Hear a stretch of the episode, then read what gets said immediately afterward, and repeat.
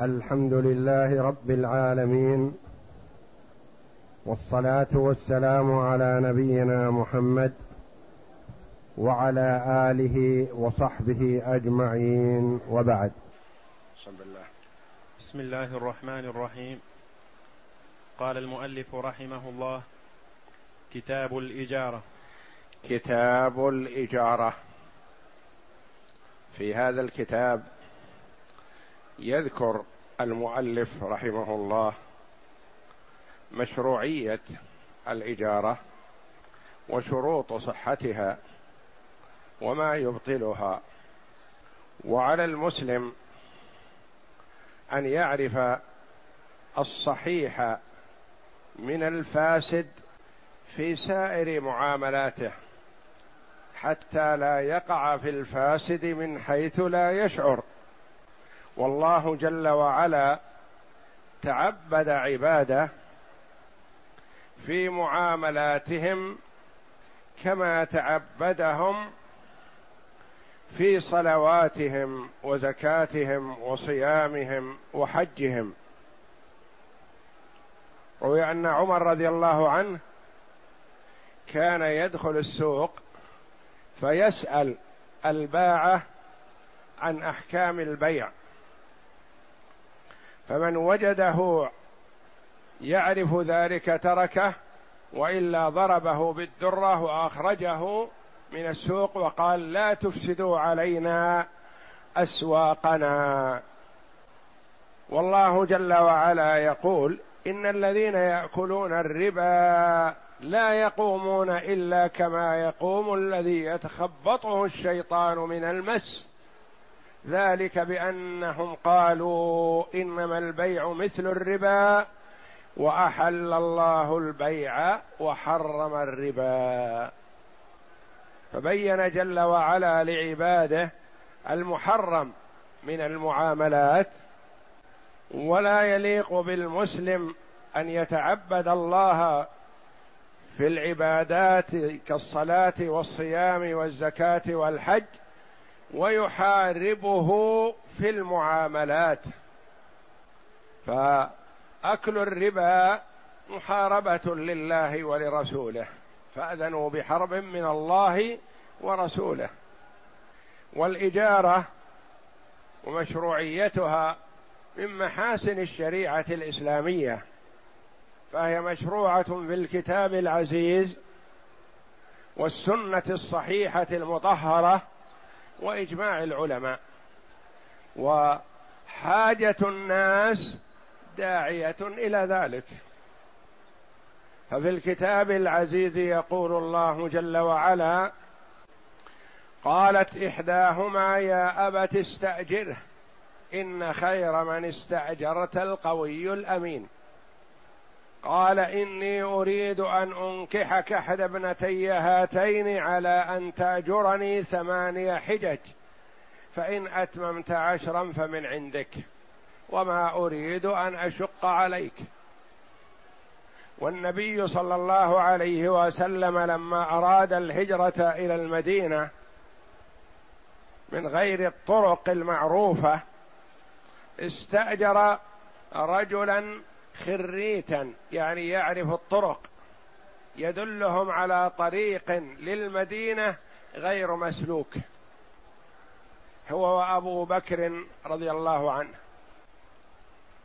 والعلماء أجمعوا على مشروعية على جواز الإجارة وإباحتها. ومصلحة المسلمين داعية إلى ذلك. لأنه ما كل إنسان يستطيع أن يؤمن ما يحتاجه بالتملك. يستأجر البيت يستأجر السيارة يستأجر الحاجة التي يريد العمل لها يستأجر من يعمل له حائطا من يعمل له مكانا ما يستأجر من يخدمه في أمر من الأمور وهكذا. فحاجة المسلمين داعية إلى ذلك. وهي بيع المنافع. هذا تعريف الإجارة. بيع المنافع. البيع بيع الأعيان. مثلا اشتريت هذا البيت بعشرة آلاف. ما عندك عشرة آلاف. ما تستطيع أن تشتري. استأجرته سنة بمائة ريال أو أكثر أو أقل. فبيع العين يسمى بيع وبيع المنافع هذا هو الإجارة يعني تنتفع بالبيت لمدة سنة بهذه الأجرة. تركب السيارة من مكان إلى مكان من مكة إلى جدة بأجرة. ما تملك سيارة تركب بالأجرة. تريد أن تبني لك بيتا تستأجر من يبنيه. لأنك ما تتمكن أنت من بنائه فتعتبر بيع المنافع يعني أن تنتفع بهذا الشيء ولا تملك عينه. البيت تنتفع به لمدة سنة الدكان تنتفع به لمدة سنة حسب الاستئجار. نعم. وهي بيع المنافع وهي جائزة في الجملة. وهي جائزة في الجملة يعني جائزة الإجارة في غالب أحوالها. هناك أحوال غير جائزة ينص عليها. ولهذا قال رحمه الله في الجملة لأن فيه استئجار ما يصح. سيأتي. استئجار صحيح. ولهذا قال جائزة في الجملة في يعني في الغالب. ولو كانت بكل صورها أي شيء جائز؟ قال جائزة بالجملة. لكن قال في الجملة ليخرج أنواع الإجارة غير الصحيحة. لقول الله تعالى قالت إحداهما يا أبت استأجره وقول الله تعالى فإن أرضعن لكم فأتوهن أجورهن. فآتوهن فإن أرضعن لكم أي أرضعت المرأة ابنها حال كونها مطلقة من زوجها تعطى أجرتها. نعم. ولأن الحاجة إلى المنافع كالحاجة إلى الأعيان. فالناس محتاجون إلى المنافع كما هم محتاجون إلى الأعيان. هذا يحتاج إلى بيت يسكنه يشتريه فينتفع فيشتري عينه لكن الآخر ما يستطيع أن يشتري البيت. البيت بقيمة باهظة يستأجره لمدة سنة. نعم. فلما جاز عقد البيع على الأعيان وجب أن يجوز عقد عقد الإجارة على المنافع. يعني كما جاز البيع جازت الإجارة لأن البيع على العين و والإجارة على المنفعة. وينعقد بلفظ الإجارة والكري. والكراء. والكراء. لأن لفظ لأن لفظه موضوع لها. يعني استأجره اكتراه مثلا أكتر لي بيت استأجر لي بيت ونحو ذلك الإجارة أو الكراء. نعم. وفي لفظ البيع وجهان. وفي لفظ البيع وجهان. لا إذا قال بعت عليك سكن هذا البيت سنة. هذا يرى بعضهم الصحة. يقول إن الإجارة هي جزء من أجزاء البيع. وما دام أنه قال لمدة سنة علم أن المقصود هو الإجارة لكن أتى بلفظ البيع. آخرون يقولون لا. هناك فرق بين البيع والإجارة لأن البيع تملك والإجارة انتفاع فقط. فما يصح أن يأتي بلفظ البيع لئلا يوهم أنه باع عليه عين البيت. وفي لفظ البيع يعني إذا جاءت الإجارة بلفظ البيع فيه وجهان أحدهما يجوز والآخر لا يجوز. نعم. أحدهما ينعقد به لأنها صنف منه. صنف منه يعني الإجارة البيع شامل والإجارة صنف من الأصناف. كما تقول مثلا السلم صنف من أصناف البيع الصرف صنف من أصناف البيع وهكذا. الإجارة صنف من أصناف البيع لأن الإجارة بيع لكن بيع منافع وليست بيع أعيان. نعم. والثاني لا تنعقد به لأنها تخالفه في الإثم والحكم. والثاني لا تنعقد بالبيع لأنها تخالفه في الوصف والحكم. الوصف هذا تملك وحكمها البيع تملك مطلقا وهذا محدد. فقالوا هذا يوهم فلا تصح بلفظ البيع وإنما ينطق بها بلفظ الإجارة أو لفظ الكراء. نعم. فلم تنعقد بلفظه كالنكاح. فلم تنعقد بلفظه يعني بلفظ البيع لأنها تخالفه. كالنكاح مثلا لازم عند العقد أن يقال به بلفظ النكاح أنكحتك أو زوجتك ولا يقول بعت عليك بنتي ونحو ذلك أو أعطيتك بنتي لا بد أن يؤتى بلفظه المخصص له. نعم. فصل. وتجوز إجارة الظئر للرضاع. هذه الأشياء بدأ في تعداد الأشياء التي تجوز إجارتها ثم يذكر بعد ذلك الأشياء التي ما يصح إجارتها. وتجوز إجارة الظئر للرضاع الظئر المرضعة يصح. لما نص عليها؟ لأنه قد يقال إن الرضاع الذي يحصل من هذا الظئر ما هو معلوم. في جهالة في غرض في كذا. نقول نحن في حاجة إلى هذا وهذا جائز. يأتي الولد يأتي الرجل للمرأة المرضعة مثلا يقول هذا ولدي ماتت أمه أو مرضت أمه أو كذا. أريد أريدك أن ترضعيه لمدة الحولين. كم ترضعيه بالشهر؟ كم تأخذي؟ تقول ثلاثمائة ريال مثلا يقول لا مائتين يكفي. يتساوم وياها. في فيجوز هذا. قد يأتي واحد يقول ألستم تقولون لا يجوز بيع ولا تأجير إلا شيء معلوم؟ الرضاع ما هو معلوم. الرضاع ما يدرى تعطيه مثلا في اليوم كاس أو كاسين أو ثلاثة أو خمسة أو أقل أو ما تعطيه شيء. نقول هذا يتسامح فيه لحاجة الناس إلى ذلك. والراعي لرعاية الغنم للآيتين. والراعي لرعاية الغنم. والراعي لرعاية الغنم. يعني الراعي يجوز استئجاره لرعي الغنم. قد يقول قائل الرعاة يتفاوتون. راعي مع الغنم باستمرار يسوقها من المكان المجدب إلى المكان المخصب ويتابعها وكذا وكذا وآخر يتركها في المرعى وينام. ما يجوز هذا حتى يعلم ماذا سيكون. نقول يجوز ذلك للآية التي قال الله جل وعلا في حق موسى عليه السلام مع شعيب إني أريد أن أنكحك أحد ابنتي هاتين على أن تأجرني ثمانية حجج فإن أتممت عشرا فمن عندك وما أريد أن أشق عليك. استأجره شعيب لرعي غنمه لمدة ثمان سنوات أو عشر ويزوجه ابنته.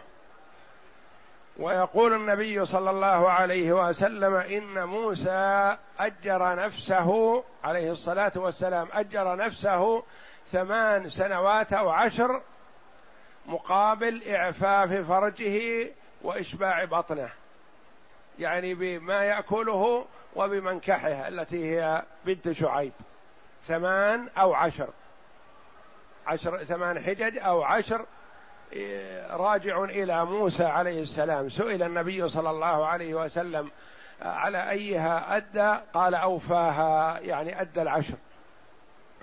واستئجار الدليل ليدل على الطريق. واستئجار الدليل يدل على الطريق. مسافر يريد أن يسافر إلى مكان ما ولا يدل. فاستأجر شخص قال أريد أن تذهب معي لتدلني على الطريق. لا بأس بهذا ومثل هذا مثلا لو واحد على أول ما يقدم إلى مكة مثلا قبل أن يدخل مكة ينظر فيقول أريد واحد آه، أؤجره يركب معي يدلني على الحرم يدلني على مكان كذا يدلني على بيت كذا بعشرة أريال بعشرين ريال بأقل بأكثر يجوز هذا الاستئجار هذا استئجار. نعم. لأن النبي صل... لأنه ثبت أن النبي صلى الله عليه وسلم وأبا بكر استأجر رجلا من بني الديل هاديا خريتا. هاديا يعني يدل على الطريق وعارف بصير بالطرق. لأن من ليس بصير بالطرق قد يتيه قد يتيه آه، مدة طويلة فيضيع أو يهلك. فالخريت الدليل يمشي على حسب دلالته واتجاهه حتى يصل إلى البلد سواء كان ذهب إليها مع الطريق المعتاد أو غير المعتاد. نعم. والخريت الماهر بالهداية وهو على دين كفار قريش. وأمناه فدفعا إليه راحلتيهما وواعداه غار ثور بعد ثلاث ليال فأتاهما براحلتيهما صبيحة ليالي ثلاث فارتحلا. رواه أحمد والبخاري. هذا في بعض النسخ مو عندنا. نعم أقرأ. وإجارة كل, كل نوع يمكن استيفاء المنفعة المباحة منها مع بقاء عينها دائما. والإجارة ينتفع بها مع بقاء عينها. أما إذا كانت تذهب فهذا ما يعتبر أجار يعتبر شراء. مثلا اشترى شمعة ليوقدها. يقول أستأجرها ليلة نقول لا هذا إتلاف ليس هذا استئجار وإنما هذا يكون شراء تشتريها. فلا بد في العين المستأجرة أن تكون باقية العين باقية والانتفاع حاصل. مثلا تقول أستأجر بعيرك هذا يوصلني إلى جدة. أستأجر سيارتك توصلني إلى الرياض. مثلا العين باقية والمنفعة تحصل لك. أستأجر بيتك هذا أسكنه شهرا. وهكذا. قياسا على المنصوص عليه. فأشياء منصوص عليها جاءت في القرآن وأشياء ليست منصوص عليها وإنما هي تقاس عليها.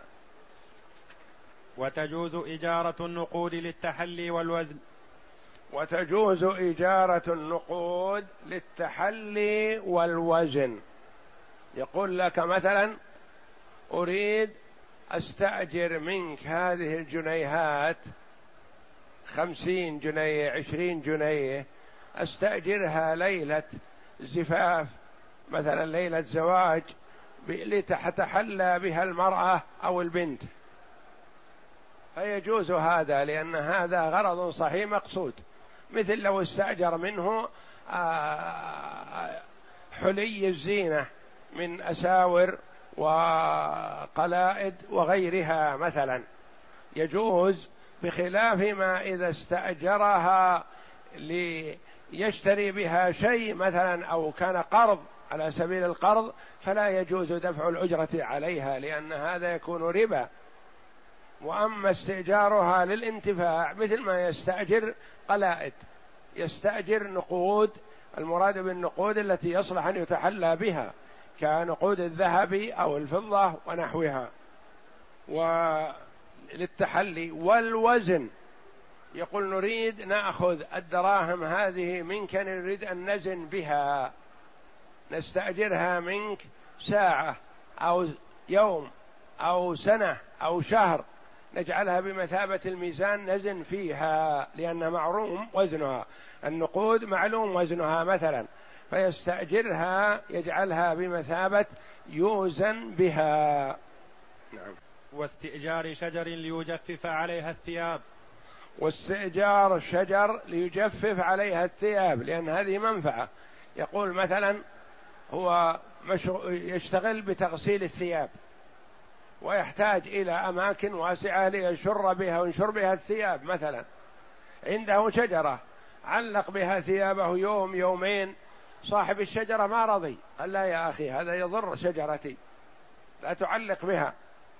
فقال أريد أن أستأجرها منك الشهر بعشرين ريال. قال لا بأس. فيصح لأن هذا منتفع بهذا الأجار والغنم لتدوس الزرع والطين. والغنم لتدوس الزرع والطين. يقول مثلا عندك أنت عندك مئة من الغنم مئة راس من الغنم. أريد أستأجرها من الصباح إلى الغروب الشمس لتدوس هذا الزرع. لأجل أن تدوسه لينفصل الحب من السنبل مثلا. أو يكون فيه نوع من أنواع الطين يحتاج إلى خلط كثير وتخمير. فيقول أريد أستأجر هذا الغنم مئة راس من الغنم لتدوس هذا الطين لأجل أن يتخمر ويقوى ويكون مثابة غرين لزج بدياسة الغنم له وهكذا. نعم. لأنها منفعة مباحة يجوز أخذ العوض عنها في غير هذه مثل لو استأجر رجل يخلطها.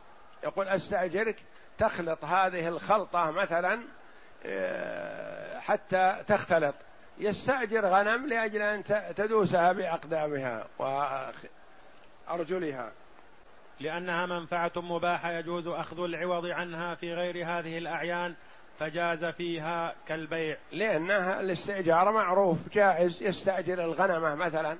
يقول استأجرها سنة استأجرها شهر أحلبها استأجرها كذا. آه تكون عندي في البيت ترعى ونحو ذلك. نعم. ولا يجوز عقدها على ما لا نفع فيه.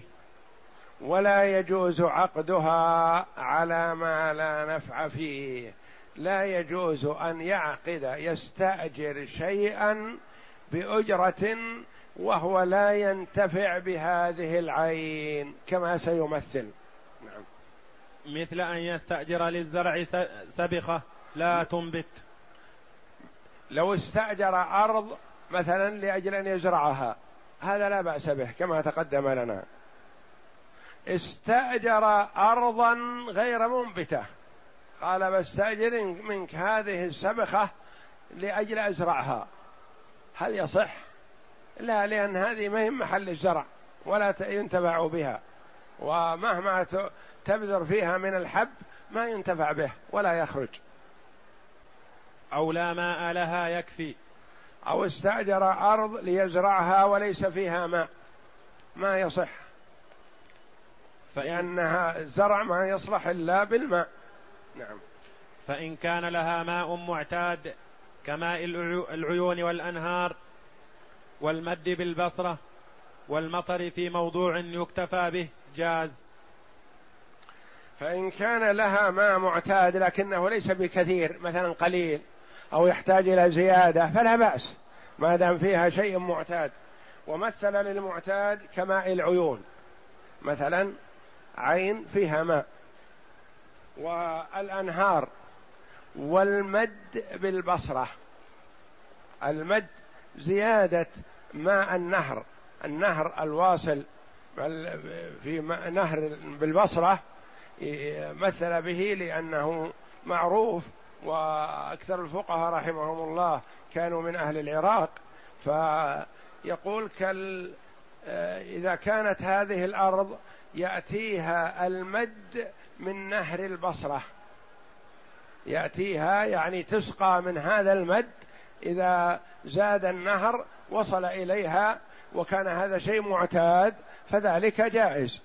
ولو لم يكن فيها نفسها ماء وإن كانت الأرض على نهر يستقى بزيادته والموض والمطر في موضع يكتفى به. يقول مثلا هذه أرضك أستأجرها.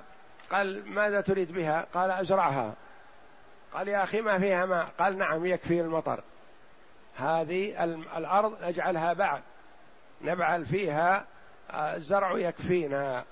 فإذا كان شيء معتاد فلا بأس بهذا. نعم. وإن كانت الأرض على نهر يستقى بزيادته كالنيل والفرات وتسقيها الزيادة المعتادة جازت إجارتها. يعني كذلك إذا كان حولها ماء يكفيها واعتاد المزارعون أن يزرعوها بهذه الزيادة التي تحصل في الأنهار وتسقيها فيكفي ذلك. نعم. لأن الغالب وجودها فهي كالمطر لغيرها. لأن الغالب وجودها الغالب معرفة لأن أهل الموقع والمكان يعرفون عادة متى يزيد النهر ومتى يصل إلى الأراضي التي بجواره. وإن كان لا يسقيها إلا زيادة نادرة فاستأجرها بعد الزيادة صح. وإذا كان الماء ما يصل هذه الأرض إلا بزيادة وهذه الزيادة نادرة قد تكون في خمس سنوات عشر سنوات يصلها مرة. فاستأجرها حال زيادة الماء صح. استأجرها حال ما في زيادة ماء ما يصح لأنه لن ينتفع بها إلا بماء ولا ماء فيها. فاستأجرها بعد الزيادة صح لأنها معلومة. وإن استأجرها قبلها لم يصح لأنه لم يصح لأن فيها شيء من المخاطرة. قد يمضي سنتين ثلاث وأكثر ما فيها ماء. لأنه لا يعلم وجودها. فهي كبيع الطير في الهواء. مثل بيع ما لا يستطيع أن يسلمه. لا يجوز أن يبيع الطير في الهواء لأنه قد لا يتمكن من تسليمه. بخلاف الطير في القفص يجوز بيعه. وإن استأجرها ولم يذكرها للزراعة وكانت تصلح لغيرها صح. إذا استأجر الأرض وهو يريد الزراعة لكن ما ذكرت الزراعة قال استأجر هذه الأرض بكذا صح الاستئجار ما دام لم يذكر الزراعة وهي تصلح لغيرها كأنه يرغب أن يخيم فيها أو يبني فيها غرفة مؤقتة أو نحو ذلك إذا استأجرها لشيء ما ولم يسمه صح وهي تصلح. نعم. وإن لم تصلح لغيرها لم يصح. وإن لم تصلح لغيرها يعني ما تصلح إلا للزراعة ولا ماء فيها فلا يصح استئجارها حينئذ. نعم. لأن نفعها معدوم. لأن نفعها معدوم ما في نفع. ولا يجوز أن يستأجر شيئا لا نفع فيه. نعم. وإن غرقت الأرض فاكتراها لزرع ما لا ينبت في الماء كالحنطة. وللماء مغيض يمكن فتحه فينحسر الماء ويمكن زرعها صح. وإن غرقت الأرض فاكتراها لزرع ما لا ينبت في الماء يعني امتلأت الأرض ماء. فجاء الرجل قال استأجر هذه الأرض. قال ماذا تريد منها؟ قال ازرعها. وهو يريد أن يزرعها الحنطة والشعير. والحنطة والشعير ما تصلح تنبت بالماء. لابد أن يكون ينضب الماء عنها. قال إذا كان بيزرعها شيء لا ينبت في الماء فلا يصح. إلا إن كان للماء مخرج هذا يريد أن يخرجه ثم يزرعها فلا بأس. وللماء مغيض يعني مخرج منه يغيض فيه. نعم. وللماء؟ نعم. وللماء مغيض يمكن فتحه فينحسر الماء ويمكن زرعها صح. لأنه يمكن زرعها بفتحه كما يمكن بإخراج الماء هذا منها ويزرعها. نعم. كما يمكن سكن الدار بفتحها. نعم. وإن علم أنه ينحسر عادة صح. إذا علم أن هذا الماء مثلا راكد فيه الآن لكن معلوم أنه بعد ثلاثة أيام أربعة أيام يذهب. فيصح استئجارها حينئذ. نعم. لأنه يعلم بالعادة إمكان الانتفاع. لأنه يعلم بالعادة يعني جرت العادة وعرف أن الماء هذا ما يمكث طويل. أيام المطر أربعة أيام خمسة أيام ثم ينحسر يذهب فتزرع لأنه يعلم بالعادة إمكان الانتفاع بها. نعم. فإن لم يعلم هل ينحسر أو لا لم يصح لما ذكرنا. إذا لا يعلم هل ينحصر أو يبقى ستة أشهر فيحرم من الزراعة فيها فحينئذ لا يصح استئجارها للزراعة. نعم. وإن اكترى أرضا على نهر تغرق بزيادته المعتادة لم يصح. وإن استأجر اكترى أرضا على نهر تغرق بزيادته المعتادة. يعني استأجر أرض يريد أن يزرعها. وهذه الأرض يأتيها المد القليل من هذا النهر نقول صح. لكن إذا علم أنها تغرق بأي زيادة تحصل للنهر نقول لا يجوز لأنه لا يمكن الانتفاع بها حينئذ. نعم. لأنه غير منتفع بها منتفع بها عادة. نعم. فإن كانت بخلاف ذلك صح. إن كانت معلومة الانتفاع بها وأن بقاءها الماء فيها لا يبقى فيها طويلا صح. والله أعلم. وصلى الله وسلم وبارك على عبده ورسول نبينا محمد وعلى آله وصحبه أجمعين.